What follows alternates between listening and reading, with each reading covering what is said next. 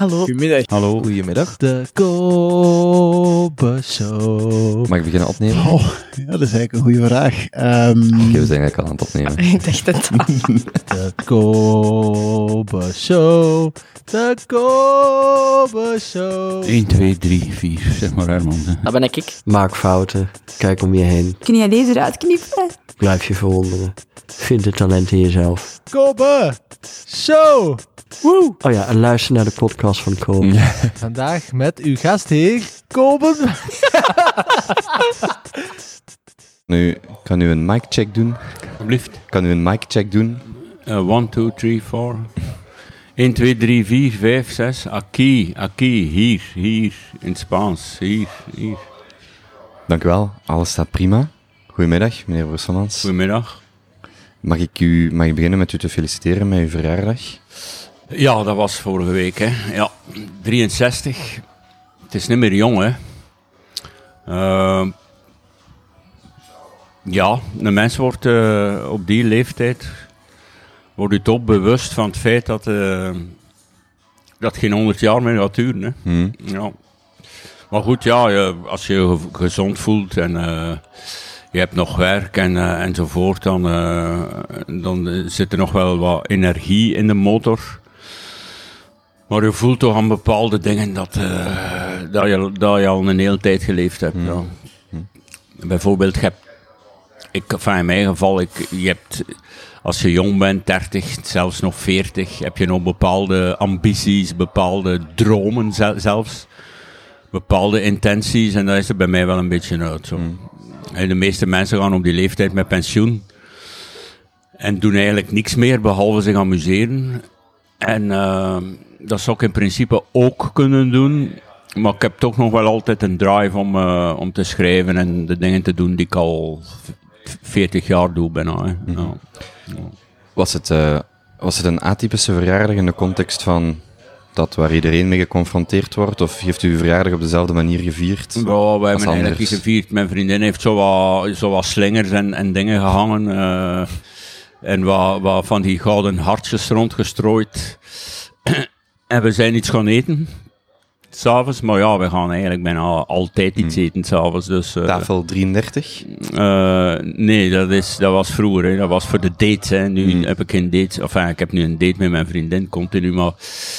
En eh, voor de rest is er een cadeau op komst. Dat is eh, via internet besteld eh, door mijn vriendin. Maar dat is niet gearriveerd op de juiste dag. Dus dat is nog op komst. Dat komt uit het buitenland. Maar wat het is, daar heb ik totaal geen idee van. Ze zegt dat het uit Oostenrijks, Oostenrijk komt en dat iets typisch Oostenrijks is. Ik heb mij al suf zitten denken wat er typisch Oostenrijks is, behalve de schnitzel. En ik kom er niet uit, dus ik weet het niet. Is het iets om aan te doen? Ah, wel, ik heb haar dat soort vragen gesteld. Eh, Antwoord mij ja of nee, maar ze vertikt. Ze zegt nee, je zult wel zien als het, eh, als het arriveert. Ja. Heb je dan zo'n volgcode gekregen om te weten wanneer het aankomt? Of helemaal geen idee? Eh, het, zou, het zou over twee, drie dagen moeten arriveren. Ja, ja. We zullen zien, hè. Ja. Maar goed, vroeger heb ik ook wel verjaardagsfeestjes gegeven. Ze ook wel eh zaaltjes afgehuurd, dirigent en, en 30, 40 man vragen enzovoort.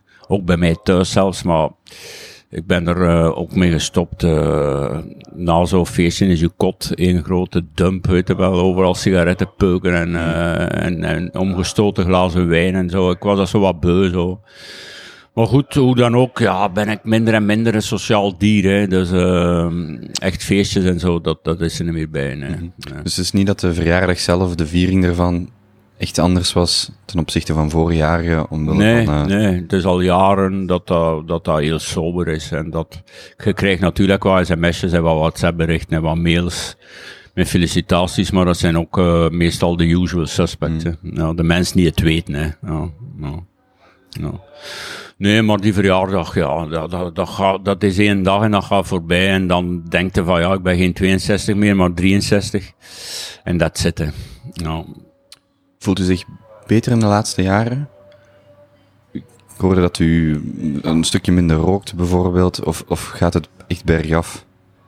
Wat fysiek is, is het allemaal wel oké. Ik ben wel in orde. Ik, rook alleen, dat is niet goed. En dat voelt ook wel. eh, ik heb natuurlijk niet de beste fysiek ter wereld. Maar voor de rest, eh, ja, ik slaap genoeg, ik eet eh, redelijk gezond. De stress is er wel de laatste... Ik voel me de laatste tijd niet, niet zo goed in mijn vel wat betreft mijn werk. Dus uh, ik heb, ja, er wordt altijd gevraagd hoeveelste boek is nu? Ja, 82ste. Is net uit. Of het 81ste. En uh, het, het, het loopt allemaal niet goed, weet je wel. Uh, de verkoop is veel minder, er, er zijn geen recensies. Het is nu toch al het ene boek na het andere dat ik uh, publiceer en waar dat er weinig of niks om te doen is. Behalve wel eens een interview in de morgen of, of eens vijf minuten bij vandaag of, of, of de afspraak enzovoort. Maar ik, ik, ik, ik ben wel bezig met, met, met de vraag waarom loopt het niet goed meer. En in feite moeten dan die vraag moet je samenstellen met de uitgeverij, de Vlaamse uitgeverij, de Nederlandse uitgeverij, wat kunnen we eraan doen, enzovoort. Maar ja, het komt er altijd op neer. Je kunt de mensen niet een boekhandel inschoppen om te zeggen, koop een boek van mij. Maar goed, het, het, het gaat hem eigenlijk ook niet zozeer om, om het geld dat je ermee verdient of om de, de naakte verkoopcijfers. Maar je wilt toch wel weten of kunnen bevatten waarom mensen afhaken. Hmm. Nu ligt de, literatuur natuurlijk al, al, al, jaren plat.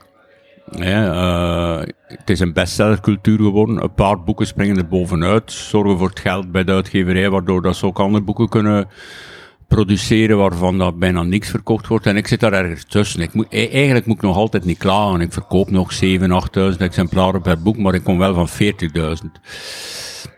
Dus ga er toch eens bij stilstaan. Zeker als je begint aan een volgende, of, of je bent klaar met een boek, er, je begint na te denken over een volgend boek. En dan komt veel meer dan vroeger de gedachte op van, ik ga eens iets helemaal anders doen. Hmm. Maar je kunt natuurlijk wat je kunt en er zijn duizend dingen die je niet kunt. Hè. Dus, uh, en ik lees heel veel en dan, dan lees ik een boek zoals De Opgang van Stefan Hertmans, De Rad van Amsterdam van Pieter Waterdrinker, hè, die, die, die bestsellers eigenlijk. En dan ga je toch eens afvragen, ja, als ik nu zo eens iets schreef, wat dat ten eerste bullshit is en ten tweede, ik zou dat niet kunnen, dat soort boeken schrijven. Dus ik moet eigenlijk wel in mijn eigen, uh, in mijn eigen hof blijven. Uh, maar toch is er dan de vraag van, zal ik nog wel een volgend boek uh, publiceren tegen volgende herfst of tegen de volgende lente, zoals ik al twintig jaar gewoon ben. Dus zou kunnen dat ik nu wel eens een serieuze pauze neem. Bent u, we zijn oktober, bent u nu aan het schrijven? Ik ben aan iets bezig, een project, eigenlijk meer een project dan een, het is geen roman, het is een project, een geschiedenis van de moderne literatuur. Maar dan op mijn manier, een parodie enzovoort. En dan vraag ik mij af, ik heb al veel, hè, want in druk zal het nu al 500 pagina's zijn en ik ben nog lang niet klaar. En dan vraag ik mij af van, ja, is het niet weer zo te parodistisch, te onnozel, te bullshitachtig, te nonsensicaal, te onzinnig? En het is dat dat ik wel, wel het beste kan en het, ook het liefste doe, maar het is die receptie van andere mensen.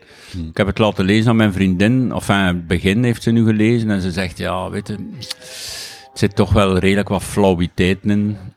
Oké, maar hij is haar kijk op humor enzovoort, weet je wel. Dus zelf denk ik dan, ja, dat is net, net de bedoeling. Maar dat is iets van de laatste jaren, die tanende verkoopcijfers. Ja, ja, dat, is, dat is al, al een tijd, hè, een jaar of vijf of zo. Dat ik, uh, kijk, ik, ik was eigenlijk uh, nogal ontgoocheld door, door wat er gebeurd is. Met, hij schreef te weinig boeken. Hè. Dat is een roman van 834 is het geloof ik, 834 pagina's, waar echt heel mijn, mijn hebben en houden in zat. Heel mijn ziel en mijn hart en mijn verstand enzovoort.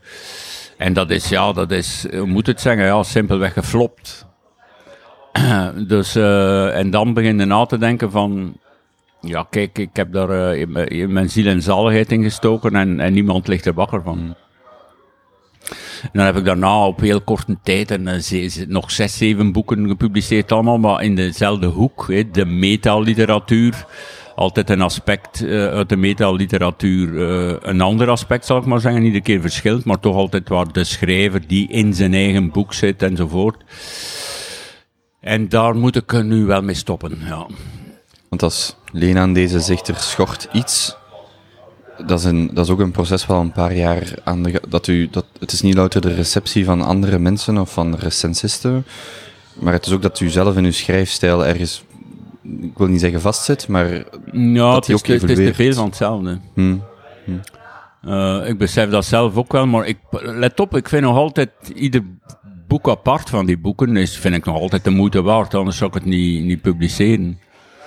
Maar, eh, maar kijk, ik las, eh, ik heb een literaire, ik weet niet of je dat kent, een literaire eh, website, TSUM heet het. T-Z-U-M. En die volgen de literatuur wel ongelooflijk close op de voet. Maar nu en dan eh, halen die een recensie terug van vroeger. En ik las een recensie van Frank van Dijl, die in de jaren 80, 90 in Nederland wel een naam was in, eh, bij de recensenten. En die heeft eh, ex-drummer uit 94 gerecenseerd. En dat stond er ook op die site. Dus uit 94. En daar stond toen al, hij schrijft altijd hetzelfde boek. Terwijl ik daarna nog 30, 40 boeken gepubliceerd heb. Dus het wordt ook wel te gemakkelijk gezegd. Hij schrijft altijd hetzelfde boek. En ik vind zeker niet dat ik altijd hetzelfde boek schrijf. Maar het is, het is wel zo dat eh, de andere mensen het vinden en dat, eh, dat, ze, dat die boeken weg, weggewuifd worden als ja, daar is hij weer met een boekje, weet je wel. En dat is mijn eer te na een beetje. Is, en, maar ik probeer het op te lossen door ofwel te zingen, en dat weet ik nu nog niet direct. Eh kust mijn kloten, ik doe gewoon wat ik doe. Ofwel eh even een pauze te nemen in het schrijven van romans en te denken van, maar wat ga ik nu eens op de proppen komen? Ja. wat wilt u? Wat wilt u zelf? Wel, ik denk dat ik nu wel een pauze ga nemen. Enfin, er, er ligt nog een boek klaar, hè. dat komt in februari. Maanlicht van een andere planeet. En ehm, dat is zo'n Louis Tinner boek. Ik heb eh, De Man die werk vond, hoofdpersonage Louis Tinner. Ik heb dan twee vervolgen geschreven, jaren 90, jaren 2000. En nu is dat het vierde boek in de reeks. Een dun boek eigenlijk, waarschijnlijk 150, 160 pagina's. Eh, waar dat ik zelf wel heel content van ben. Maar we zullen weer zien hè, of dat weet. Dit- is een heel ander boek eigenlijk dan de vorige eh, reeks. Maar ik denk weer dat de receptie zal zijn, want het is pas geleden van twee maanden, twee maanden geleden dat ik uh, Vertrouw ik kom uit de veehandel had. Vijf maanden, zes maanden later heb ik dan weer dat nieuwe boek. Is de kans groot dat men reageert. Hopla, daar is hij weer, weet je wel.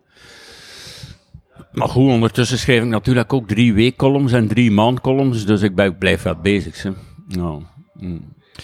Is het op een verjaardag dat zoiets tastbaar wordt? Dat je daar echt aan twijfelt? Of is dat, is dat echt een proces over de weken en de maanden heen? Dat is een proces, hè. Hmm.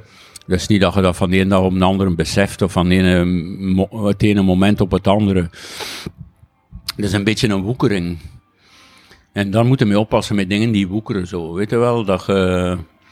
Ik zit eigenlijk tegenwoordig meer aan mijn bureau na te denken, te contempleren over wat ben ik mee bezig enzovoort, dan dat ik eigenlijk effectief aan het werk ben. En... eh, maar dat kan natuurlijk, je, als je in de 80 boeken hebt eh, geschreven en gepubliceerd, dan is het niet abnormaal, en je bent 63, dat je denkt van, eh, hoe zit dat nu? Eigenlijk voor hetzelfde geld kan ik stoppen. Ik kan mijn tijd nemen voor een boek, maar daartegenover staat die drive van ik wil schrijven, schrijven, schrijven. Ja.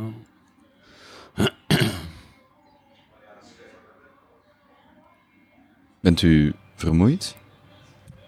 Ja, dat kunnen we wel zeggen eigenlijk, ja.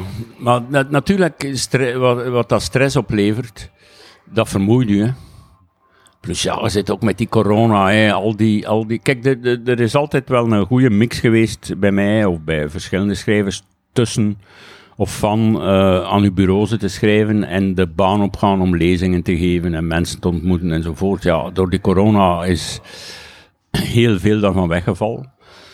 De lezingen zijn allemaal afgelast. Ik doe twee, weer, eh, sinds een paar maanden weer redelijk veel tv. Eh, maar goed, ja, dat is ook hetzelfde niet. Bijvoorbeeld de slimste mensen vroeger, of vroeger, laten we zeggen voor corona, was dat een gezellige boel. Je zat allemaal samen in een backstage en je dronk iets, je at iets, je keek samen naar, die, naar de opname enzovoort. Of je deed mee aan de opname en daarna uh, tafelde wat na enzovoort.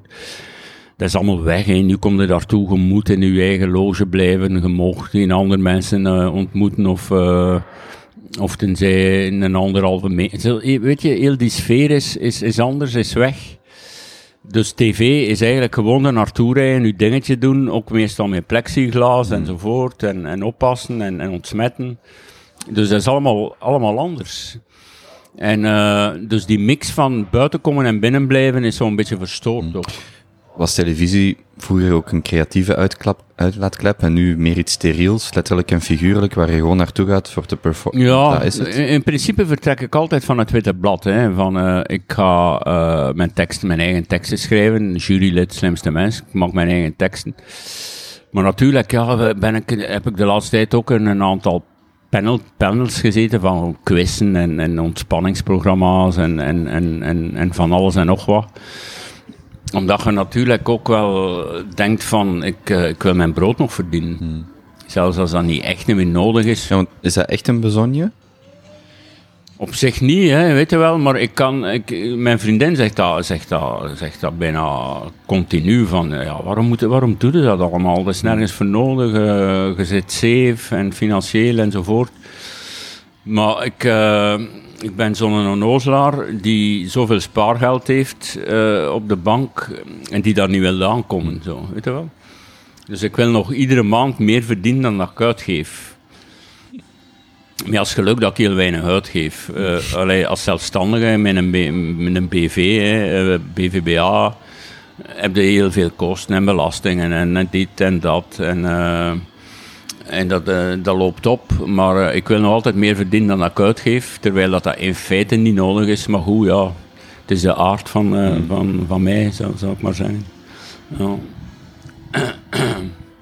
Hoe waren de, de laatste maanden voor u, die periode in zijn geheel? We zitten nu zeven maanden sinds corona-uitbraak. Hoe, hoe kijkt u terug op die, op die initiële zeven maanden?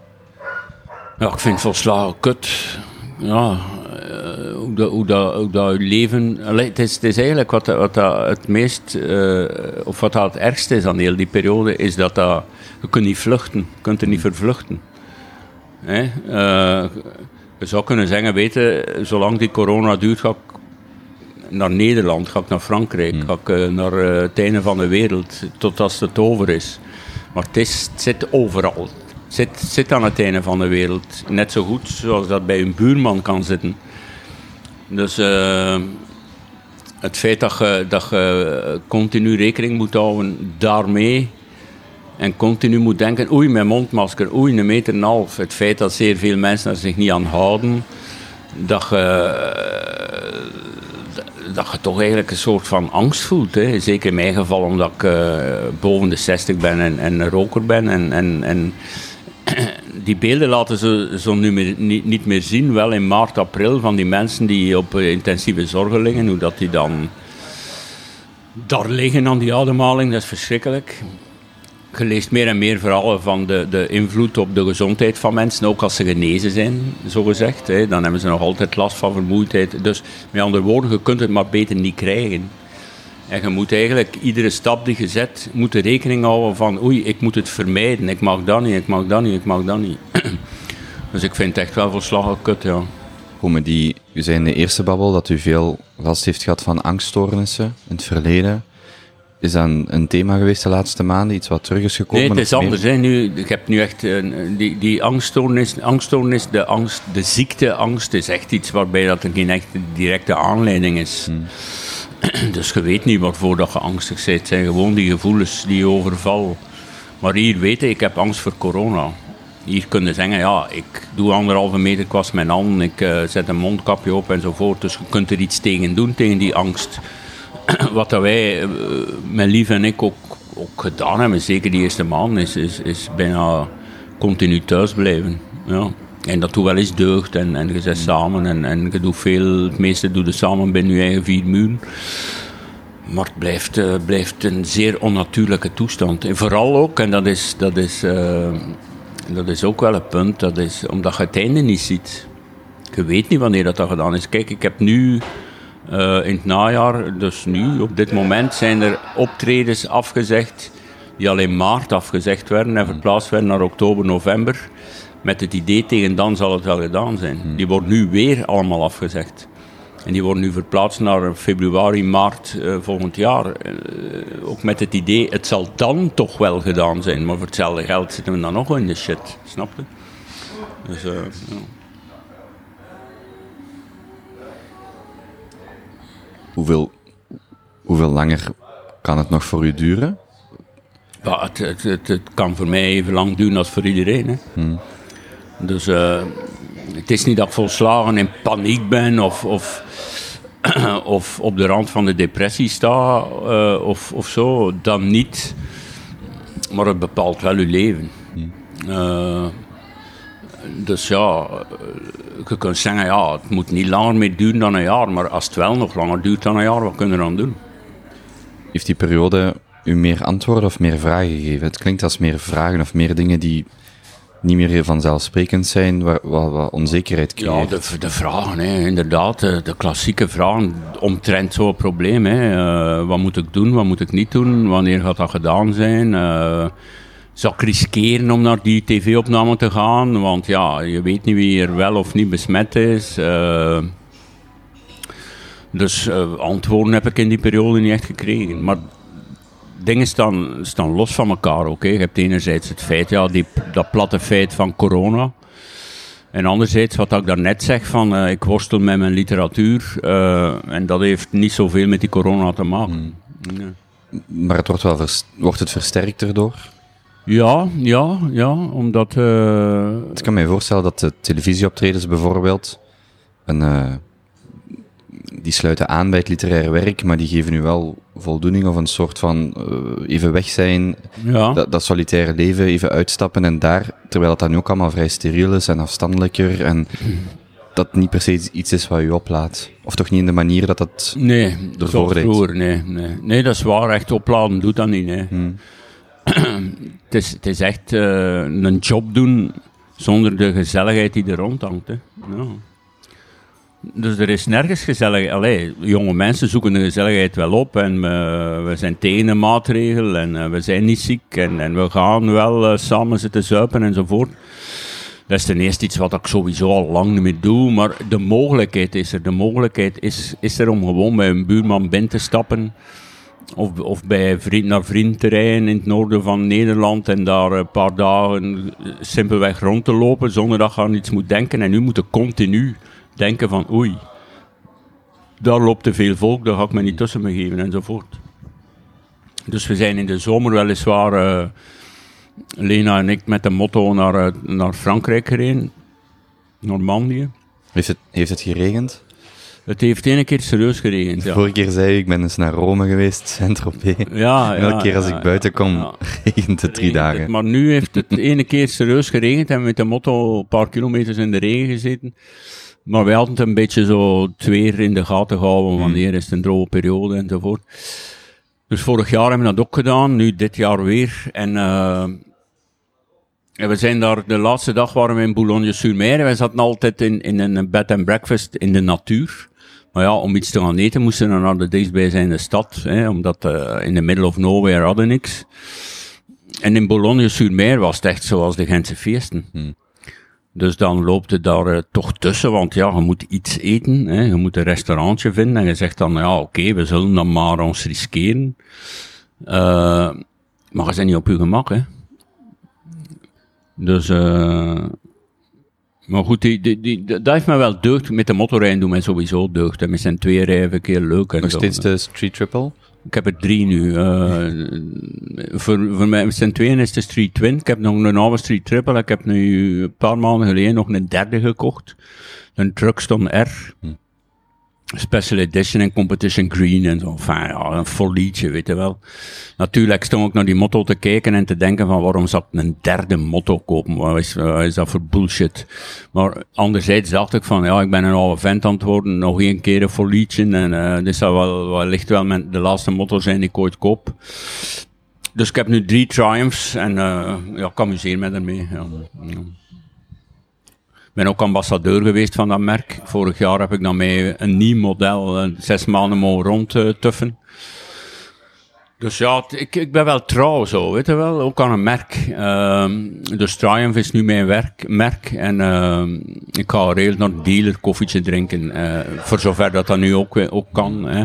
Je zit daar ook op anderhalve meter met je mondmasker op. Ehm, maar goed, er zijn ook dingen in het leven die het, die het, die het prettig maken. Weet je wel, als je een goede relatie hebt, je, je hebt een huis. De hond is fantastisch. eh, de nieuwe hond, uh, enfin nieuw, we hebben nu eh, acht maanden. Eh, je hebt nog werk. en als je dan kijkt naar de wereld, er zijn mensen die het honderdduizend keer slechter hebben dan jij. Dus niet lullen, maar poetsen. Hè. En dus, eh, maar goed, dat sluit niet uit. Ik heb er wel eens een discussie over met, met, met Lena. Zo van, Lena die zeer sociaal geëngageerd is, ik ook. Maar zij is het echt wel zeer. Die dan zegt van, als ik al eens eh, mijn zorgen uit in die zin van, ja, dat schrijven marcheert niet en dit en dat. Die dan echt wel zegt van, eh, kijk eens wat daar, eh, wat die mensen meemaken. Je zit niet in een bootje dat, dat omslaat en je verdrinkt niet op de Middellandse Zee. Wat dat wel waar is, maar anderzijds, zelfs als je in de beste der werelden leeft, kunnen nog altijd problemen hebben. Ja. Ja.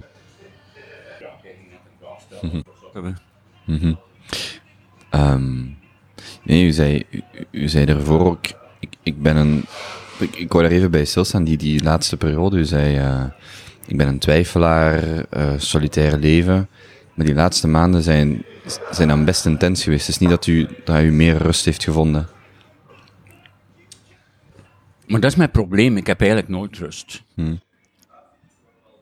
Ik ben vaak zeer gespannen.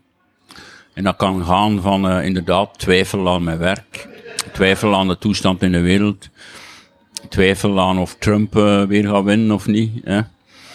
Eh, maar ook twijfel aan, aan, aan ja, eh, een kleinigheid in huis of zo, een, elektri- een elektriciteit die uitvalt of zo, weet je wel. Eh, of de, of de, de, naast mijn huis zijn ze nu een, een, een restaurant inrichten en dat voortdurende geklop en geboren en zo, wat dat voor niemand prettig is, dat weet ik ook wel, maar ja, dat ik zo op, de, op, de, op die, on the edge sta, weet je wel, op de rand van, eh, niet van uitbarsten of, of, of, of agressie of whatever, maar wel met het idee van, laat me nu toch allemaal eens gerust. Natuurlijk, ja, ik woon ook midden in een stad, hè, in het centrum van een stad. Dus dan moet je erbij nemen. Ik woon hier in die restaurantstraat. eh, In de zomer staan alle terrassen buiten en zitten vol. En dan... Dat was ook wel met die corona. Van, ja, je komt buiten en je zit ineens in een soort van Gentse feestachtige setting. Volle, volle terrassen. Bij mensen die op elkaar zitten en, eh, eh, enzovoort. Dus... daar heb ik mij ook wel een hele zomer aan gestoord. Ja, dan kun je zeggen, en uiteraard heb ik dat overwogen, verhuisd dan naar de buiten. Maar daar heb ik ook geen zin in. Eh verhuizen, dat wil zeggen notaris en huizen kopen en huizen verkopen. En daar heb ik allemaal geen goesting in. En dat duidt misschien inderdaad op een zekere vermoeidheid. Van als je echt wel nog vol energie zit, dat je dat aandurft. Dat je zegt van oké, wow, is dat zo erg? We kijken, we kijken op internet, we zien een mooi huis in Merelbeke, ik zeg maar wat. Ik heb, ik heb dat trouwens eens geschreven, zijn enorm veel reacties op, op ge- opgeroepen. Ik had eens geschreven in een column dat ik verhuisd was naar, of ging verhuizen naar Evergem, naar een boerderij. Ehm, ja, en mensen geloven wel vaak dingen die ik schrijf. En tot nu toe, tot, tot en met nu, want dat is meer dan een jaar geleden dat ik dat geschreven heb. Oh, woonde jij nog? Ik dacht dat je in Evergem woonde en dit en dat. Dus eh, op zich is dat allemaal mogelijk. Op zich is er enorm veel mogelijk, maar vaak voel ik me te, te moe en te lam om, om dingen te ondernemen. Ja. Was dan de reden om verder te doen? Is het er... En ja, toch, toch, die, die, die, al zit die energie, dat vat mijn energie niet vol. Het zit toch nog vol genoeg, al is het maar half vol om, om verder te doen. Trouwens, ja, is het alternatief. Ik ga niet, eh, ik ben niet depressief, weet je wel. Ik ga niet in mijn bed liggen, eh, liggen eh, met, met, met alleen maar een zwart gat voor mij. Maar, dus ik verman mezelf soms, soms. Ik pak mezelf wel eens vast en zeg van, kom aan, niet, niet, niet bullshit. En morgen moet de column voor Humo af, dus schrijft hij nu, weet je wel. En dat lukt wel, dat lukt wel. Dus enerzijds ben ik lui en lam en vermoeid en, en, en geen zin om dingen te doen. Maar anderzijds heb ik wel een zeer grote, en heb ik altijd gehad, een zeer grote wilskracht. Van pak u zelf op en, eh, en doe dus iets. Ja. Ja. En ook onder invloed van Lena, hè, die echt wel, ja, die is jong, die is een doener, die wil dingen doen. Dat, dat met de motto naar Frankrijk rijden twee, keer, twee jaar achtereen, dat zou ik vroeger nooit gedaan hebben. Nee, dat was altijd worst case scenario. Ja, in Frankrijk en binnen Frankrijk een platte band en, uh, en, en, en, verkeer en, en, en, en gevaarlijk en, en regen. En, uh, maar nu heb ik dat eigenlijk twee jaar aan, zeker dat eerste jaar, toen ik geen ervaring had, heb ik gezegd van, hey, wij doen dat gewoon. En we zijn ja, met die motor naar Parijs gereden. Dus, uh, dus het is vaak ook uh, mijn, mijn, mijn, mijn tweede vrouw, allee, eigenlijk allebei, mijn eerste vrouw Gerda en, en, en mijn tweede vrouw Tanja, met wie dat ik allebei toch heel lang samen geweest ben. Die, die willen dat ook allemaal, weet je wel, maar die legden er zich bij neer dat ik zei sorry, maar nee, en angstaanval, en nee, dat is niet voor mij. En, en wat, dat, wat dat eigenlijk twee keer een van de redenen geweest is waarop dat die relatie gestrand is. Terwijl dat Lena is meer iemand, dat is die Amsterdamse brani ook die erin zit, die zegt van geen bullshit, jij gaat dat nu doen. Uh, dus uh, het is vaak uw eigen wilskracht of, of hoe dat je zelf bent, plus de hulp van iemand anders die ervoor zorgt dat je soms nog wel eens boven jezelf uitstijgt. In onze eerste babbel zei u, ik kan niet begrijpen dat een 24-jarig meisje zot is van mij. Ja. Heeft u daar al een antwoord op? Uh, ja, dat gewoon zo is. Niks toen, aan te doen. Toen uh, die, die vorige keer, dus was ik een paar maanden samen met Lena. 24 was ze toen. Ze is nu 29. Nog altijd jong, hè. Nog altijd uh, het hele leven voor zich. Maar die zegt gewoon, ja, ik uh, zet hem, uh, zit al uh, trouwens met mijn verjaardag nog op een briefje geschreven, een paar dingen, zo onder andere, zet de man van mijn leven en ik wil altijd bij jou blijven. Dus als, daar gevoel is, het kan dus, hè. Ja. Het is vrij uitzonderlijk, dat leeftijdsverschil.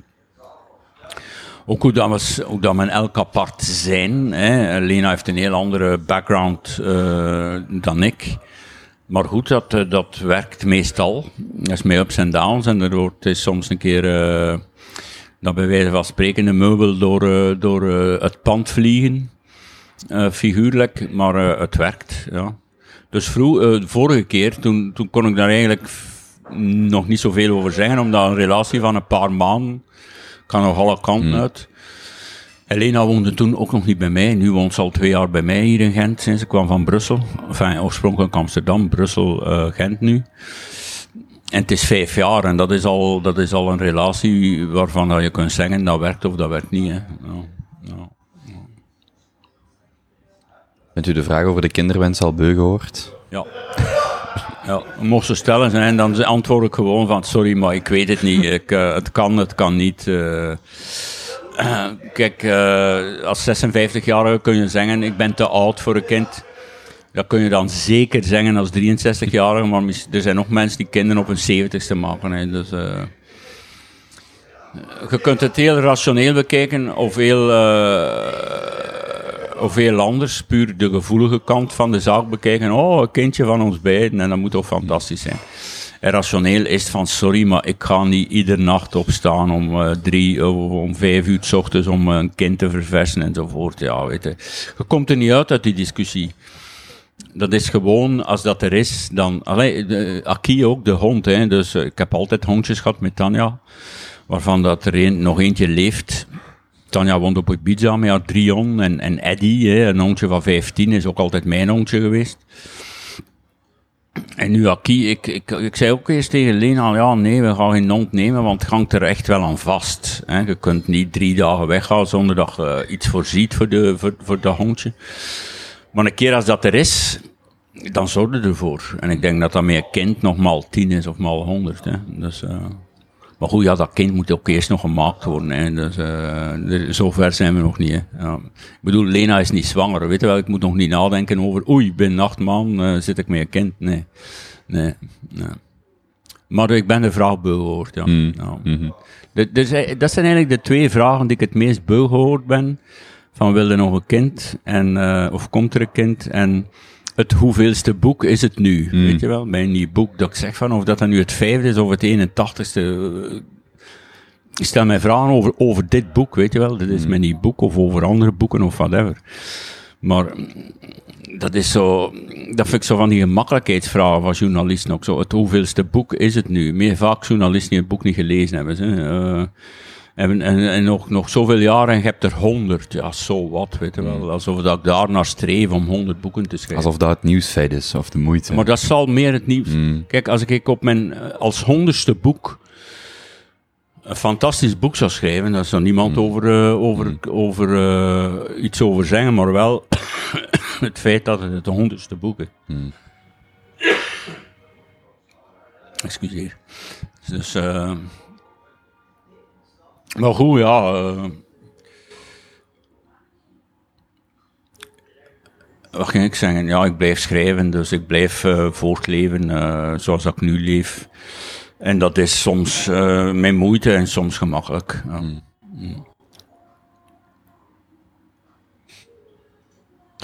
Ik, ehm, na die eerste babbel die wij gedaan hebben, is eigenlijk de vraag die ik het meeste kreeg over u. Hoe is Herman Brusselmans in het echt? In het, In het echt? ja. Niet op televisie. En dat was, was en is voor mij nog steeds een zeer makkelijk antwoord. Ik vond u mijn eerste indruk van u, want we hebben elkaar toen twee, drie uur gezien. Eh, zeer, zeer attent, zacht, ook een serieuze persoon. En soms zijn mensen verbaasd, soms niet. Maar u heeft in die babbel een aantal dingen gezegd ehm, die mij zijn bijgebleven, waaronder ehm, laat mensen in hun waarde, ook waardeloze Ja, mensen. Absoluut. Ja. En ik wou graag met u praten over de, de, misschien de waarden en normen, maar ik dat de vorige keer niet echt achter gevraagd heb, die, die, die u hoog, hoog hanteert, of omdat dat een stuk is van u waar mensen achter vroegen, en, of, of, en Ja. ik wou daar graag met u over praten, omdat dat een kant is die, dat ik alleen maar kon zeggen, ik vond dat een zeer attente persoon. Ja. Eh, ja, de dingen die je opnoemt, hè, dus eh, laat, laat ten eerste mensen in hun eigen ruimte. Val mensen niet lastig.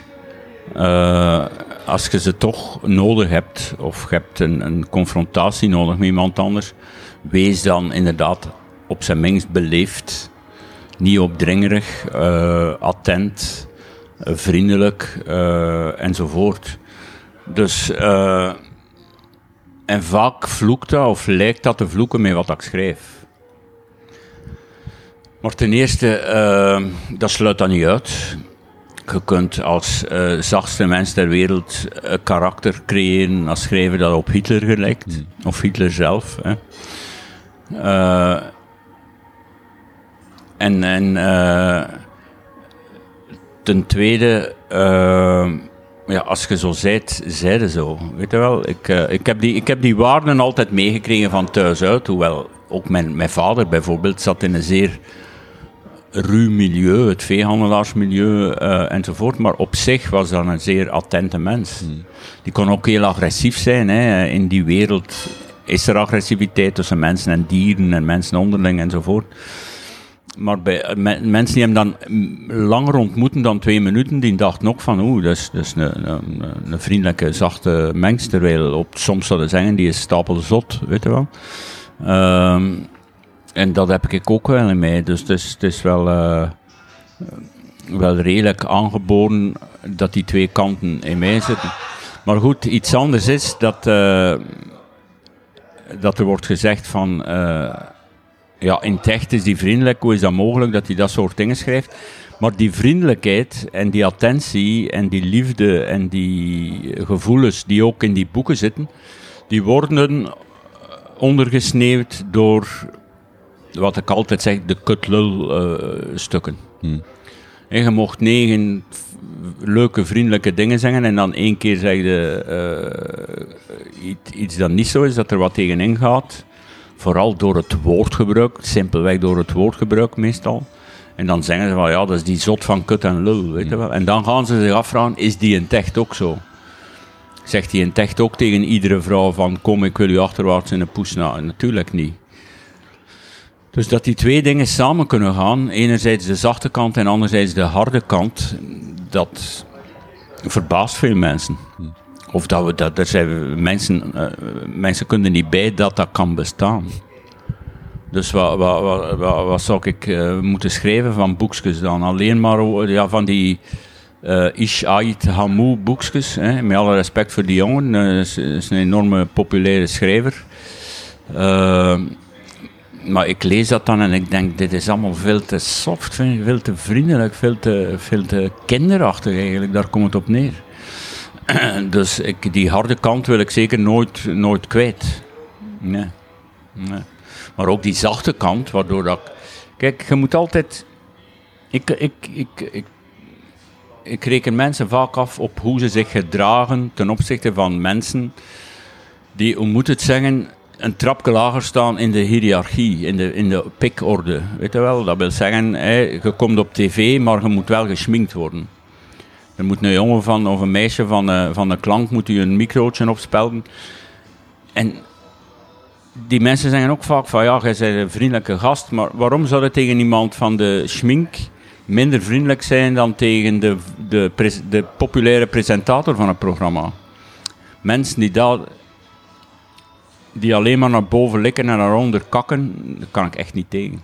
Je ziet dat vaak ook in cafés de, de, de, of restaurants, de, de manier waarop dat mensen omgaan met de ober of het meisje van een bediening of gelijk wie.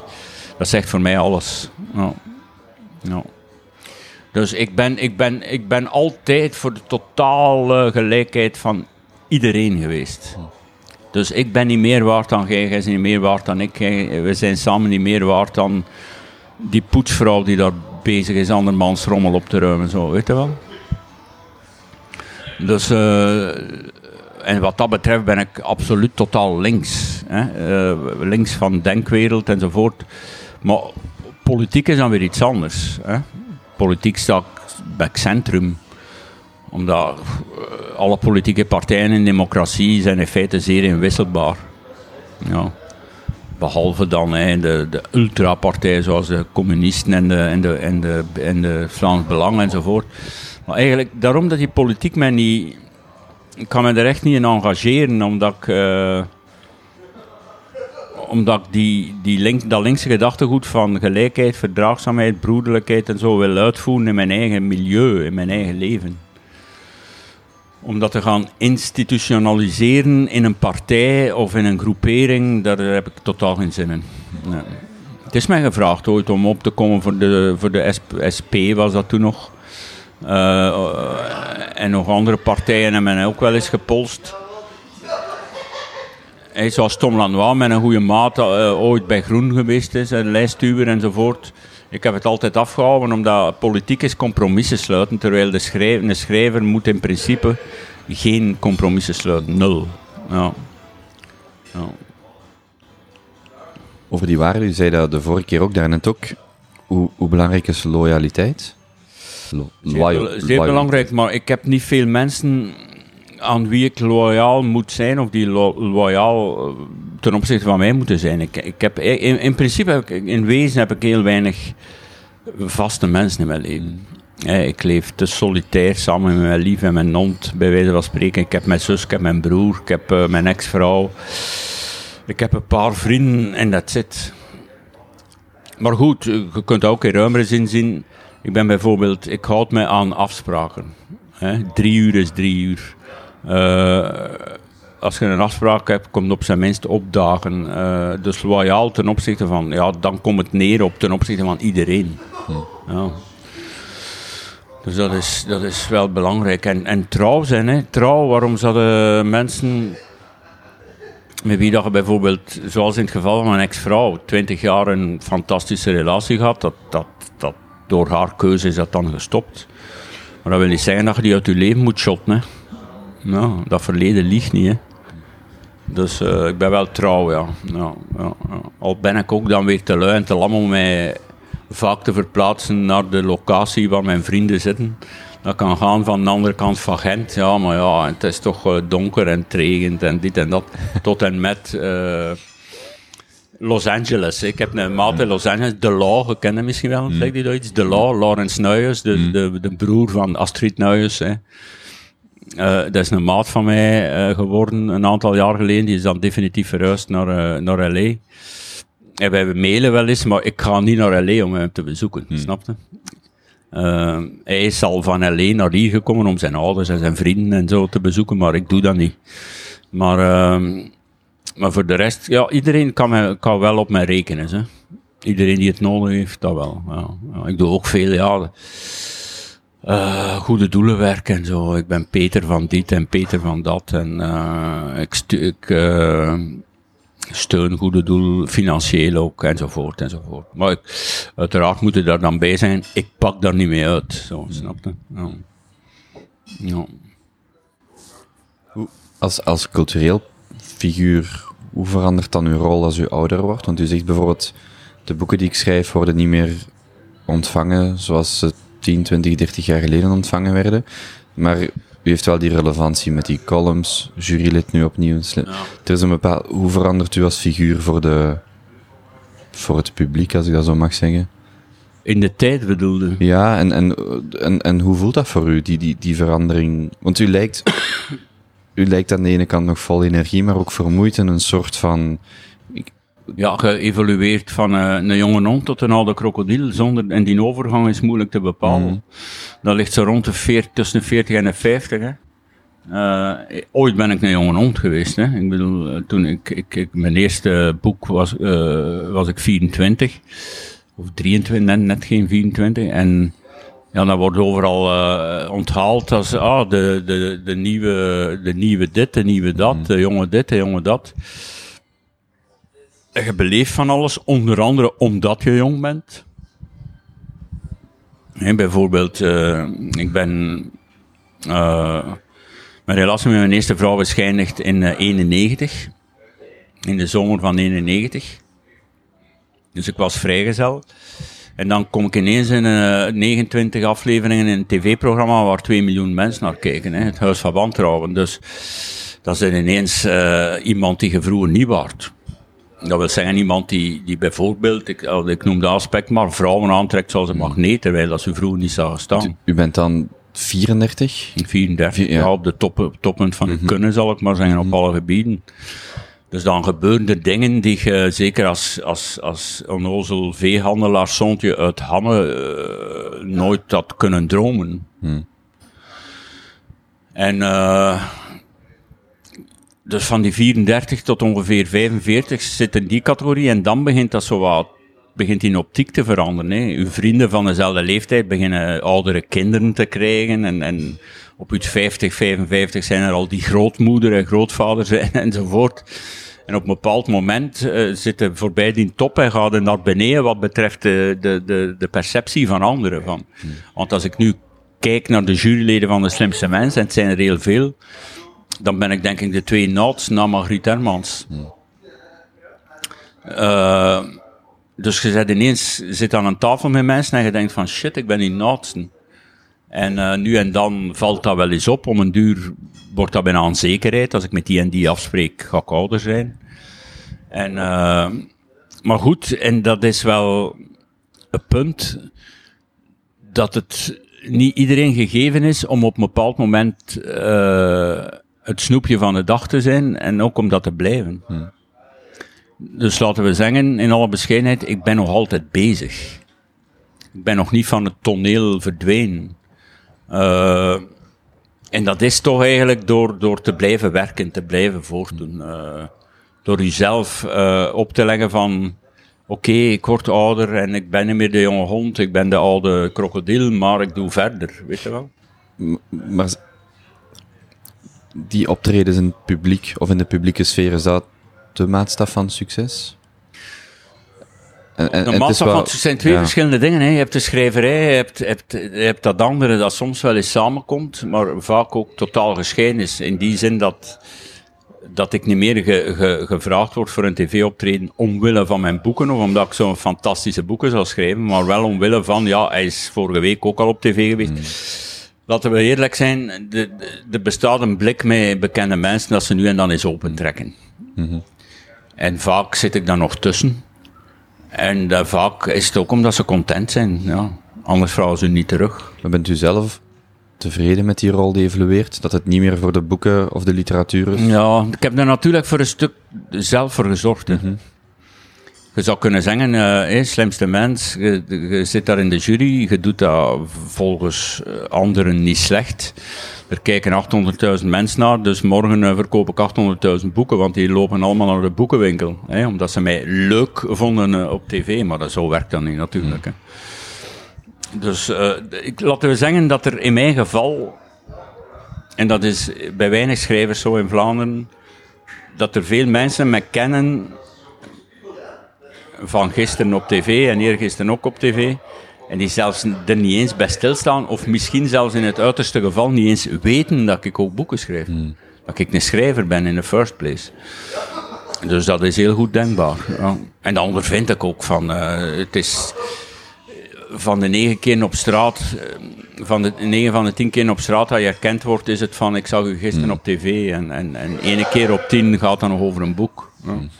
Vaak een boek van 30 jaar geleden. Ja. Maar hoe voelt dat, eh, hoe, is dat voor uzelf? Ik dat, worstel daar ook wel mee. ja? Maar goed, het is te laat om dat om te keren. Ik, heb, ik ben daar eigenlijk eh, ja, eh, op, op een of andere manier ingerold. Inderdaad, door bij mijn eerste echte tv-prestatie of, of, of aanwezigheid, het Huis van Wantrouwen, door ineens een enorme klapper te zitten. Hè. Waarbij dat je eh, overnight van de ene dag op de andere ja, echt bekend wordt. Hè. En dan, is dat, dan is dat, heeft zich dat voortgezet. En, en, en maar goed, misschien, misschien heeft dat mijn, mijn schrijverschap in de loop der tijden in de weg gezeten. Ook op de negatieve manier, eh, in die zin dat mensen mij zien op tv en zeggen van, van die eikel eh, ga ik nooit een boek lezen. En ik denk dat die meer in aantal zijn dan degene die zeggen van die leuke man ga ik wel een boek lezen. Eh, maar goed, het is te laat om dat om te keren. Je zou kunnen zeggen, kom dus drie jaar niet op tv en komt dan met een fantastisch boek. Maar ja, de kans bestaat ook dat je dan drie jaar van alles laat liggen. En dat je dan met die fantastische boek komt die niemand leest. Dat wordt wel eens gezegd ge- eh, dat ik te, te veel boeken publiceer. Wacht eens twee jaar en, en, en dan gaan de mensen weer benieuwd zijn. Dan zitten ze te wachten op een nieuw boek. Maar ik zeg altijd, ja oké, veronderstel dat ik mezelf totaal inhoud om te schrijven, want pas over twee jaar ga ik een nieuw boek brengen. En je brengt dat dan over twee of drie jaar. En dat flopt dan. Dan hadden we beter tijdens die drie jaar zes andere boeken kunnen schrijven, die weliswaar ook floppen, maar die samen toch wel eh, iets betekenen. Maar dan zegt u toch dat u vandaag minder vrij bent dan misschien 20 of 30 jaar geleden? Minder vrij. Ja? Waarom? Om, omdat er nu een, een soort van verwachtingspatroon is, wat misschien niet wordt ingevuld of gevoelsmatig niet wordt. in- Het is misschien ook puur de omstandigheden dat Ja. lezen tout court anders is dan toen. Maar dit zijn toch vragen of gedachten die u misschien 20 of 30 jaar geleden, toen u begon te schrijven, minder had. Ja, tuurlijk. Toen wist ik niet wat dat er allemaal voor mij ging komen. Maar het blijft, blijft, alles blijft een eigen keuze. Ik zeg ook veel af. Hè. Ik, word ook, ik ben ook gevraagd om de bordjes in het Rad van Fortuin om te keren. Hè. Ik ben gevraagd bij Jani Casalsis om mijn kleerkast open te stellen. eh, snapte? Eh, maar je hebt het altijd nog zelf in de hand. Hè. Als mensen zeggen van je komt te veel op tv, of je komt te weinig op tv, of je schrijft te veel boeken, of je schrijft dit of dat. Ja, het is nog altijd mijn eigen keuze om morgen weer op tv te komen of niet, om morgen weer een boek te schrijven of niet. Dus, eh, en daar, daar zit, eh, wat daar eh, belangrijk bij is, of alleszins een, punt is, dat je het u financieel kunt permitteren. Hè, als je ja zegt, is het oké, maar als je nee zegt, is het geen ramp.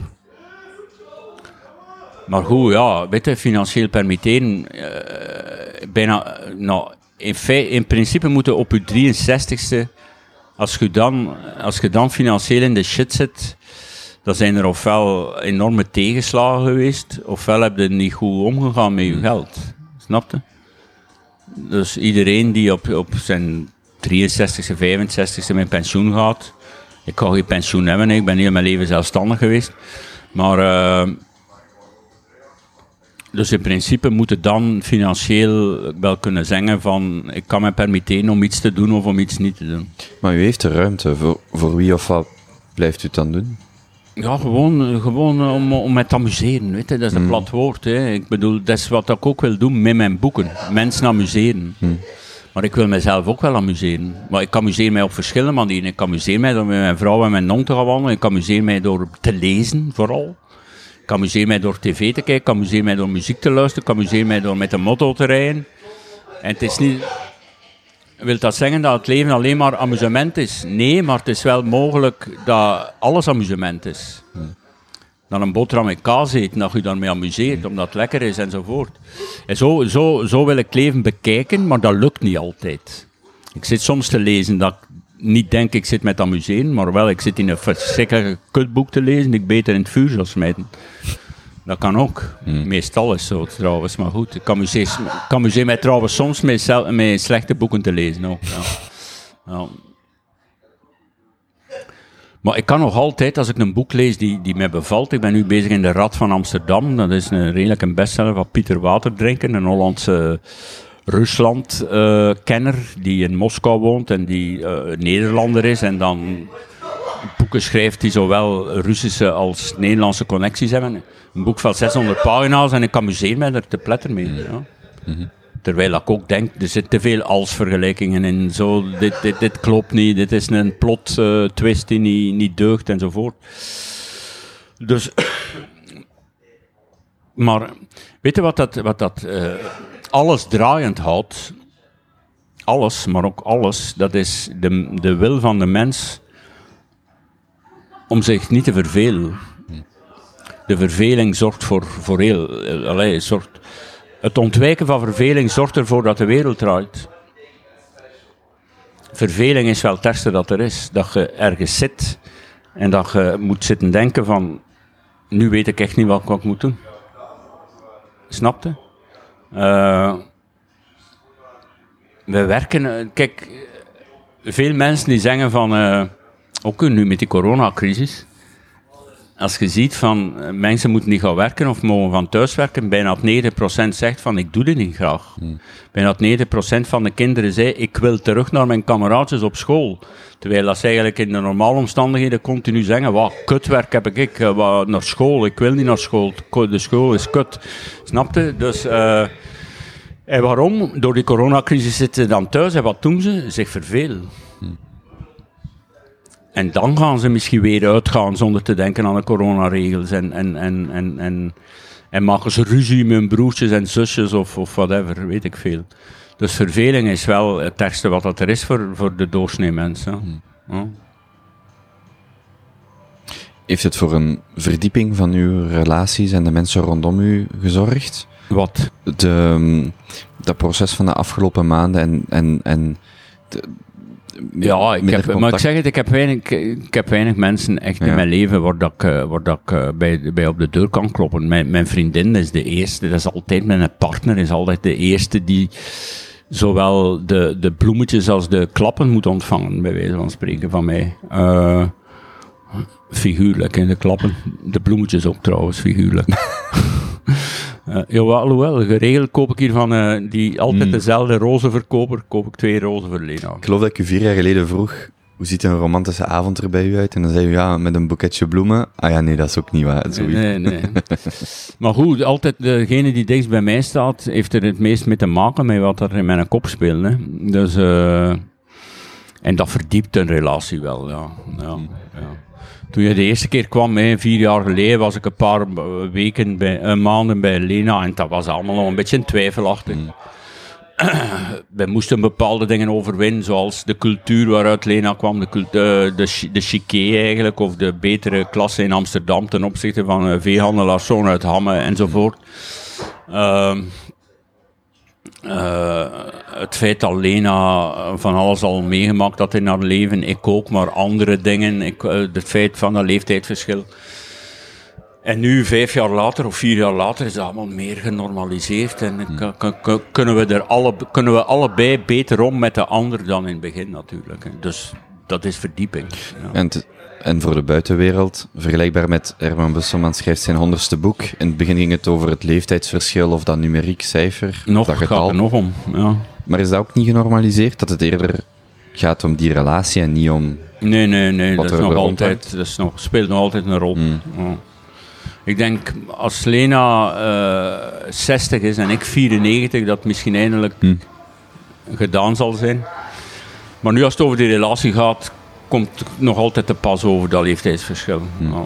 Het is natuurlijk, kijk, abnormaal, het woord zegt is wat daar buiten de norm ligt. De norm is man, vrouw, de man iets ouder, zeven jaar is oké, tien jaar begint al zo al, hè. dat is redelijk veel, 12 jaar, 15 jaar, 20 jaar.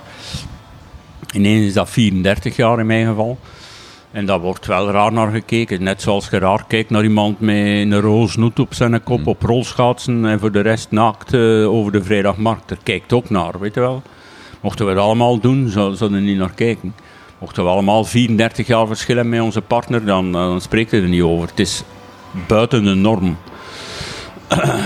en natuurlijk, ja, ja, ja weet je, dat is, dat is ook zo'n vraag van... eh, en hoe, en hoe komt dat en hoe- waarom werkt dat en hoe zit dat en, en, en die Lena Omdat kan- het werkt. en die Lena kan het ook beter krijgen of, of, of, of andere mensen eh, die ze niet binnenkort, terwijl zij nog jong is, zal moeten afgeven. Hè, want ja, zelfs als ik 90 word, is zij nog maar, eh, is zij nog, nog maar in de 50. Dus ehm, ja.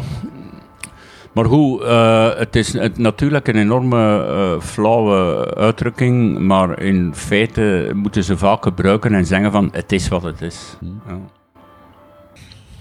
Ehm, hoe is Lena geëvolueerd in die relatie? Die, komt, die leert u kennen als een 24-jarige. En van 24 tot 29 is ook een, een heel verschil. Ja, Lena, haar leven is ook veranderd. Hè, door, eh, zij had een periode in Brussel waarin dat ze vrij was. Eh, en ze, ze is enorm zot van Brussel. Ze vindt Brussel een veel avontuurlijker, eh, interessanter, boeiender stad dan Gent bijvoorbeeld. Maar goed, ze heeft, zich, eh, ze heeft ervoor gekozen. Hè. Ze heeft echt wel zelf gekozen van ik wil in Gent komen wonen bij jou. En dat leven is dan ook helemaal veranderd. Hè. Al haar eh, connecties, vrienden in Brussel. Ja, weet je, je, kunt honderd keer zeggen van we zien elkaar wel nog. En, maar eh, als je vrienden hebt die twee straten verder wonen, dat is iets anders dan dat je van Gent naar Brussel die trein en afspreken en dit en dat. Dus haar leven is wat dat betreft ook ook serieus, serieus veranderd. Zij heeft, zij heeft echt dingen opgegeven om bij mij te zijn. Hè. Eh, ik ook. Ik heb ook een stuk vrijheid in mijn eigen huis. Eh, als je alleen woont, ja, je doet echt wat je wilt. Dat heb ik ook eh, voor een stuk opgegeven. Maar ja, dat, is wat, de- dat zijn onderdelen van de liefde. Je geeft dingen op ook. Hè. Ja, ik was vrijgezel. Ik kon ook wel uitnodigen in mijn kot wie dat ik wou. En je kiest dan voor een vaste partner, voor monogamie op in de 50 en zij op haar 24. Je weet niet of dat, dat allemaal stand houdt hè, in het begin. Maar na vijf jaar, zoals ik zei, kunnen we wel zeggen van dit is stabiel. Ja, ja, ja, ja. Maar goed, ja, zij heeft ook eh, een partner gekregen dan die ook een openbaar leven heeft. Hè. Dat wil zeggen, het is wat het is, maar als ik buiten kom, word ik wel eens aangesproken en willen mensen foto's. En zij, zij kan er niet echt goed mee om. Enfin, ze kan er wel mee om, maar ze, ze is daar niet zot van, laat ik het zo zeggen. Zij zegt soms wel eens, ja, dat, ste dat steekt mij wel tegen dat ik met jou niet over straat kan lopen zonder dat we bekeken worden. En dat is nu eenmaal zo in Vlaanderen. Hè. Ja. Dus als je 20 jaar, 30 jaar eh, vaak optreedt voor soms een publiek van een miljoen mensen, hè, via tv dan, ja, dan, dan is het zo. Dat, dat is voor iedereen die iets doet eh, in, die, in dat genre. Voor iedereen is dat dat, dat, die, dat die wel eens... eh, Kom maar. Als je over een duivel spreekt, Daar is ze net. ja, wordt gemonteerd, ja. Ja, ja, ja. Waar ben ik hier? Waar ben ik hier? Hij is nog een beetje nat van het wassen. Heb je dan geweld? Nee. Het staat zijn haar op, dat is een leuk. Ja. Aki, aki, aki. Jij gaat lesgeven, hè? Dag. Om half vijf heeft ze les. Met de computer. hè.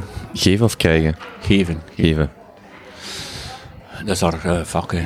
Dat was Lena. Dat was Lena met mondmasker.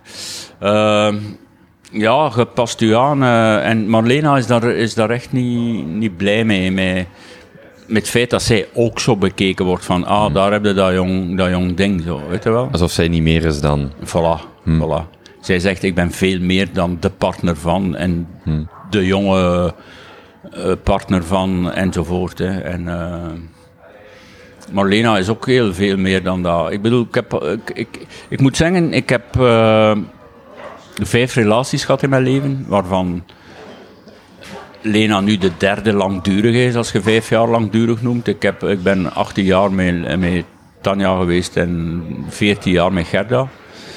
En dan eh, heb ik één relatie gehad, of twee relaties van een jaar ook. Maar ik heb altijd chance gehad met die, met die, met die partnerkeuze, of hoe dat je het ook noemen wilt. Ik heb altijd goede mensen gehad als, als partner. Ja. Oké, vier relaties zijn mislukt, kunnen zeggen, of geëindigd. Waarvan ik twee mensen niet meer zie door omstandigheden, maar eh, ik zal die ook nooit veroordelen of iets een verkeerd woord over zeggen. Absoluut niet. Nee. Ja. Hoe is het voor u om vanuit uw perspectief een, een, 24 een 20er te zien groeien in zijn of, wel, in dit geval in haar leven? Ja, maar, eh, Lena, eh, Lena is, is eigenlijk iemand die volgens mij, eh, en dat zegt ze zelf ook, ook door omstandigheden thuis enzovoort, nagenoeg op haar 16e, 17e al, al een heel volwassen leven moest leiden.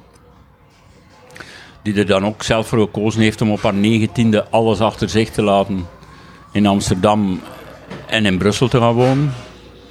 Nog als student, dus geen geld enzovoort of weinig geld. En uh, dus eigenlijk veel, veel hoefde Lena niet meer te evolueren. Die had het allemaal wel, en ze is ook heel verstandig.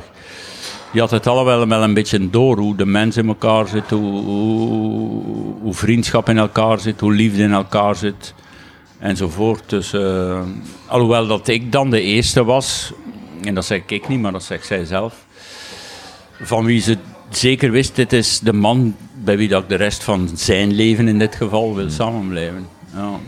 Ja. Maar geëvolueerd ook, en dat is grappig, hè, dus, uh, taalkundig nog maar. Hè. Dus Lena uh, komt van Amsterdam, hmm. is hoog opgeleid in Amsterdam, uh, Barleus Instituut. Hè. En dan, dat is een begrip in, in, in Nederland, wie dat Barleus zit. Ja, hè, die, die, dat is een middelbare... middelbare ja. school, dan drie universitaire studies. En, uh, en die komt dan naar, naar Brussel, waar ze haar beste vriend dan een West-Vlaming wordt. Hmm. Waar ze ook veel te maken krijgt, uiteraard met Frans. Dan komt ze bij mij en uh, ja, ik, mijn Oost-Vlaams, mijn Waaslands accent zit er nog altijd in. Mijn Vlaamse woordenschat uh, bestaat nog altijd. En dat je dan die evolutie ziet van haar taal en op het eerste zicht valt dat niet op, maar als wij in Nederland komen, hmm. spreekt Lena drie woorden en zeggen al die Hollanders, maar jij bent volledig vervlaamst, weet je wel? Dus dat, al dat soort dingen kom, komt er ook bij. Dus, Zegt ze uh, allee? Allee, van mijn ja. Nederlandse vrienden en vriendinnen, die zeggen, als wij allee beginnen zeggen, ja, dan zijn we allee, zegt ze continu. Ja, Ja, continu, voilà. Maar ik, ik, ik spreek dan ook soms met haar, uh, met haar in, in, in plat Hams. Hmm. En dit pikt ze ook wel dingen van op. Ze. Ja. Hey, bijvoorbeeld een boterham met kaas. Ja, in het Hams is dan een boterham met kaas.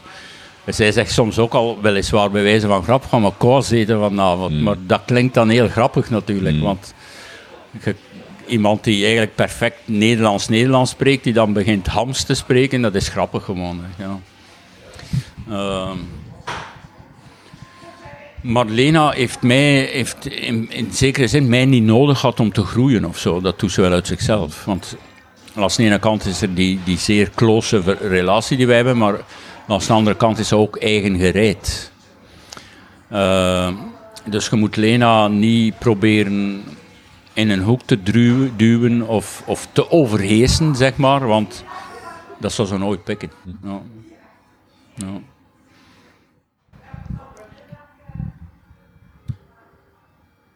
Denk je er soms over na hoe het zou zijn om in deze periode alleen te zijn? En alleen uh, relationeel bedoel ik. Ja, ja, ja. Misschien al is het maar om te beseffen wat gaan die relaties zelf Ah, wel ja, natuurlijk. Hmm. Hè, want je denkt, allee, ja, het is vaak zo dat als je alleen bent, wil je een relatie. En als je een relatie vindt, dan mist een beetje alleen zijn, want je kunt doen wat je wilt. Maar ik zeg het, een relatie of een verbindenis met mensen is altijd dingen winnen en dingen verliezen. Op, dingen, dingen bijwinnen en dingen opgeven. Hè. Ja, toen ik die, die, die jaren alleen was, kwam er al eens een meisje op bezoek die bleef slapen, bijvoorbeeld. Ja, dat, dat, dat gebeurde meer. Hè. Ja, Lena is het meisje dat blijft slapen, hè. elke dag. Dus, eh, maar goed, eh, ik heb in die periode eh, dat ik alleen was, eh, wel veel platte eenzaamheid gekend. Vooral ook omdat ik s'nachts leef. En nog veel meer vroeger dan nu, want toen ging ik slapen om, om half zeven, s ochtends. En nu is het zo drie, vier uur ten, ten laatste dat ik ga slapen. Dus dat scheelt al drie uur. Dat scheelt ook al in vroeger opstaan. Dat ritme blijft, is vandaag nog steeds. Ja, drie, vier uur ga ik slapen. Lena is ook wel een beetje een nachtuil. Die kan haar lessen ook zo wat regelen dat ze maar 's middags moet beginnen. Ehm, dus ja. Maar ehm, je weet dat wel wanneer dat je je het beste voelt. En ik, voel mij, ik heb mij altijd het beste gevoeld in een relatie. Ja, met tweeën. Ik, dat is ook een, een, een thema geweest in heel veel van mijn boeken. Wij op ons eiland tegen de rest van de wereld. Man, vrouw, de rest van de wereld. En dat heb ik wel het liefste, ja. En dan denk ik niet van, ik moet nu een jonge vriendin hebben, zodanig dat hij een rolstoel kan duwen als ik 90 ben. Daar gaat het niet om. Want wij denken niet in termen van dat leeftijdsverschil. Lena denkt niet, ik heb een oude vent. Ik denk niet, ik heb een jong poepje, weet Jullie wel. zijn gewoon samen en Maar in de buitenwereld ook wel. Ik kom weer op hetzelfde neer. De perceptie, de receptie van dat gegeven door andere mensen is vaak niet prettig, omdat het buiten de norm valt. Hm. Maar de mate waarin dat, dat u iets doet, of, of u daarmee bezig bent. Want het verschilt zo met hoe dat ik u louter in deze context al leer kennen, als die attente, vriendelijke man, dat dat toch in die mate een beeld vormt of, of ruimte inneemt in uw gedachten. Of overschat, overschat ik het dan? Eh, En wat die relatie? Ja, want ik, ik zou mij... Dat, ehm, hoe moet je het zeggen? Jullie staan er zelf niet bij stil, of amper bij stil, Nee. maar het komt van buiten. Maar de mate waarin dat die reactie van buiten ook effectief binnenkomt, dat dat Ja, groot- ja, is dan... dat, dat hangt af van welke reactie dat, dat is. Hè. Dus eh, we zijn echt al, dat is nu wel een paar jaar geleden, maar letterlijk lastiggevallen. Door mensen die, zoals mensen die, die, die Turkse mensen of zwarte mensen lastigvallen. En die roepen, gij vuil neger, roepen ze tegen ons, tegen mij, gij vuile pedofiel. En uiteraard denkt je dan elke keer weer van, hoe is dat mogelijk? Weet je wel? Moet, is dan alles wat daar buiten de norm valt, is dat dan altijd een reden om dat te veroordelen of om dat af te keuren? Ik snap dat niet. Ik snap het niet. Van mij mag hier een 100-jarige gast met een 13-jarige dwerg binnenkomen. Nee, 13 jaar is nu overdreven, maar eh 16-jarige dwerg. 16. Snapte? Ik, ik, ik, ik kijk wel. Dat is de mens aangeboden. maar ik kijk wel, maar ik zal dan nooit veroordelen of, of, of gaan zeggen, eh Jesus, dat is niet verantwoord. Terwijl dat sommige reacties kwamen echt neer op feit dat is niet verantwoord dat een jong meisje zichzelf dat aandoet om bij, bij jou te zijn, in een oude zak. en dat zijn reacties die ik niet, totaal niet begrijp. Nee. Of zelfs niet wil begrijpen. Die thema's wat je net zegt, zijn er thema's die in de toekomst die u verder wilt exploreren? Behalve dat thema wij twee op een eiland tegen, tegen de rest. Ja? Maar dat hangt ervan af. Ik heb in de loop van het gesprek gezegd dat ik wel aan het worstelen ben. Ik ben nu bezig met die studie van de recente Nederlandse literatuur, Nederlandstalige ja, want met uw werk bedoel ik ook niet de twee boeken of de boeken die u louter, maar in het geheel van waar u mee bezig bent. Ja, ik wil alleszins nog een boek schrijven over mijn jeugd, maar dat wordt moeilijker en moeilijker omdat eh, de getuigen. Hè, Hetzelfde, het is moeilijk om via getuigen nu boeken te schrijven over de Tweede Wereldoorlog, omdat iedereen dood is. En de oudste getuigen zijn in, in de 80 en de 90. Nu of nooit aan. Ja, ja maar anderzijds, eh, ik zeg altijd wat dat je niet weet, kunnen verzinnen. Hè. Plus, ik heb mijn eigen geheugen ook natuurlijk. Hè. Maar ik, ik, ik zat van een week nog... dat is niet de eerste keer dat ik dat dacht, hè, maar ik weet dus 0,0 over mijn overgrootouders. Ik weet niet hoe dat die heten, ik weet niet wat dat die deden, ik weet niet waar die begraven liggen. En dat kun je allemaal opzoeken. Hè. Alle eh, acht. Ja, Ja. ik weet daar niks van. Hmm. Omdat die ook klaarblijkelijk toch wel jong gestorven moeten zijn. Want in mijn, toen ik een kleuter was of, of een, jong, een jong kind, heb ik geen herinneringen aan die mensen. Nee. Dus ja, dat, maar dat kun je opzoeken. Hè. Dat kun je in de gemeentehuizen enzovoort kunnen, dat, kunnen er eh, informatie over hebben. Maar ik ben zo niet het type schrijver dat enorm veel tijd steekt in opzoekingswerk. Hè. Als je ziet bijvoorbeeld die laatste roman van Stefan Hertmans, op De Opgang. Die heeft het dan over het personage die op een bepaald moment in Duitsland woonde. Dan gaat Stefan Hertman naar Duitsland om daar het huis te bekijken en de straat waar die persoon woonde. En ja, dat, dat, daar ben ik echt te lam voor, echt waar. Dan zou ik het eerder fan, fantaseren, zo, weet je wel. Denkend van, ja, niemand co- controleert dat. Of dat je nu zegt, de Kerkstraat of de Veldstraat, who cares? Maar goed, je hebt schrijvers die het echt allemaal wel heel juist tot op de millimeter eh, naar waarheid willen hebben. En zo ben ik niet. Dus wat dat ik ooit nog ga schrijven, eh, hopelijk nog veel. Maar eh, wat, wat het precies zal zijn, dat weet ik niet. Wel, eh, wat ik wel weet is dat het iets anders gaat zijn dan wat nu de laatste jaren gewoon ben. Ja. Heeft u Hans Steven al ontmoet? Dat zei u toen de vorige keer dat u daar naar uitkeek. Ja, ik heb eh Hans Steven ontmoet. Kijk, Hans Steven is heel goed bevriend met Gumba, de striptekenaar. En ik heb iets samen opgetreden met Gumba en Hans Steven kwam daar naar kijken, dus dat hebben we elkaar ontmoet. En eh, ik ben dan eens naar een optreden van hem geweest. Niet zijn laatste show, want die is uitgesteld. Hè. Nou, lekker dan, die is uitgesteld. Maar de vorige show, echt eraan kunnen, ben ik naar eh, de, de dirigent, hoe heet dat, er aan de Zuid, naar die zaal geweest. De Capitol. En eh, toen kwam er, eh, op het moment dat ik naar buiten ging gaan, eh, kwam er iemand naar mij en die zei: Hans Theo wil die ontmoeten backstage. En dan ben ik, heb ik daar even met hem zitten praten enzovoort. Ja, ik ben niet zo gebrand op het ontmoeten van mijn idolen of van mensen die ik heel goed vind, want onder het motto: het kan misschien alleen maar tegenvallen. Maar dat viel wel mee. Ja. Ja. Vooral omdat Hans Steven was een buurjongen of een buurman van Lena in Amsterdam. Die woonde drie huizen verder of zo. Dus zij kende hem persoonlijk, maar naar die show echt eraan kunnen kon ze niet mee, omdat ze in Brussel iets had of zo. Ja. Ja. Zijn er nog mensen in de situatie waar u in zit, waar u daarover mee, waarover u daarmee kan praten? Weinig, weinig. Kijk, eh, als je gelijkgestemden tegenkomt of mensen die in hetzelfde milieu zitten, of, eh, dan gaat het niet. Ik ben, ik ben ook niet iemand, vroeger wel, in mijn drankperiode enzovoort, maar ik ben niet iemand die ergens naartoe gaat en dan uren gaat zitten napraten of nakletsen. Eh, ik ben meestal ook met een chauffeur, ik rij zelf niet met een auto. ik heb een paar mensen met wie dat ik dan rijd. En die mensen moeten dan ook meestal een dag nadien vroeg op of zo, of weet ik veel. Dus mocht ik nog drinken, in mijn drankperiode was ik wel iemand die bleef hangen tot de laatste. En die per se zijn twintigste whisky cola wou drinken, maar dat is, dat is voorbij, dat is vroeger, dat is weg. Ja.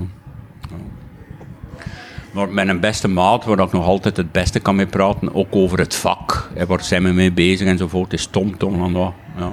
En Erik Mijn, dat zijn zo wat mijn twee beste maten. Zo. Was u, was u ook goed bevriend met Luc de Vos? Ja. Enfin, goed bevriend. Ja, eigenlijk wel. Zou die ook in dat rijtje Ja, ja, wij, ja, hebben? wij hebben samen ook eh, tournees gedaan. Hoort ik, Luc de Vos en Hugo Matthijssen hebben eens een lange tournee gedaan. In de jaren negentig. Eh, Luc liep hier rond in Gent. Die kwam de, op de meest onverwachte moment tegen. Luc kon iets drinken, ja, nee, enzovoort. Eh, ik was een fan van Luc, van Gorky, van de muziek. dus ja, ja, dat was wel iemand die aanwezig was in mijn leven. Ja, ja. Is dat met ouder worden de grootste ader, behalve familie, de aderlating van vrienden die weggaan en nooit terugkomen. Ja, ik, ik had ik, alleen een, echt iemand ik, eh, waar ik met kreupen mee lachte en die ik heel fantastisch vond, was eh Fons Simons, de bassist van eh, de Scaps. Hmm. Ik ben met de Scaps eigenlijk eh, is een periode mee, op, mee op, naar optredens geweest. Fons was van Gent, die liep hier rond enzovoort, is vroeg gestorven. Willy Willy is dan ook gestorven van de Scaps. Eh, Patrick de Spiegelaar, de fotograaf, is vroeg gestorven. Ja, mensen vallen weg. Op jonge leeftijd, vaak 40ers, 50ers. Ofwel door, door een simpele hersenbloeding zoals Patrick de Spiegelaar, ofwel door ja, omstandigheden, drang, drugs enzovoort. Dus eh, je moet rekenen op je 63. Ik moet eerlijk zeggen, er zijn mensen weggevallen, maar niet ongelooflijk veel tot nu toe. Hè? Ze zijn niet gevallen als vliegen rondom mij. Er zijn er nog die stil standing strong zijn, zo, weet je wel. Maar eh, bijvoorbeeld in Lena, haar familie, zijn heel veel mensen jong gestorven. Eh, meer dan in mijn familie. Bij mij, bij mijn grootouders, mijn ouders zijn gestorven. maar heel veel, mijn nicht is gestorven, redelijk jong, in de 40. Maar niet, niet, niet ongelooflijk veel eigenlijk. hè. En uw broer en zus zijn ook nog alle twee in Ja. leven. Ja. En die hebben hun kinderen en die kinderen zijn wel oké in het leven enzovoort. Dus, eh, dus als besluit kan ik zeggen, eh, Kobe, dat ehm, ik soms wel eens worstel en soms wel eens met de handen gebonden ben en soms wel eens in een zwarte tunnel loop, maar dat ik eigenlijk niet moet klagen. Hè. Je wordt wakker, er lacht iemand naar u, Voilà. De- dus, eh, de dag gaat verder. het moet al heel ver gaan, eh, vind ik, in een mensenleven. En dat bedoel ik mensen die in, hier wonen, in de westerse democratische maatschappij. Het moet eigenlijk al heel ver gaan qua ziekte en tegenslag en, en dode partners of vrienden, voordat je echt kunt zeggen, ik ben beklagenswaardig. Hmm. En dat zeg ik dan ook niet. Oké, Op die noot, op die noot. dank u wel Ja, voor uw tijd. Graag gedaan. Als je geniet van gesprekken zoals deze, abonneer je dan op Spotify of YouTube, geef een recensie op Apple Podcasts of volg me op Instagram, at de Kobe Show. Ik zit ook op Twitter, at Kobe van Reppelen. Een podcast zoals deze luister ik aan gratis, maar het maken is dat helaas niet. Als je waarde in deze gesprekken vindt, overweeg dan om bij te dragen via kobe.show slash steun. Zoals altijd, dank om te luisteren en tot gauw.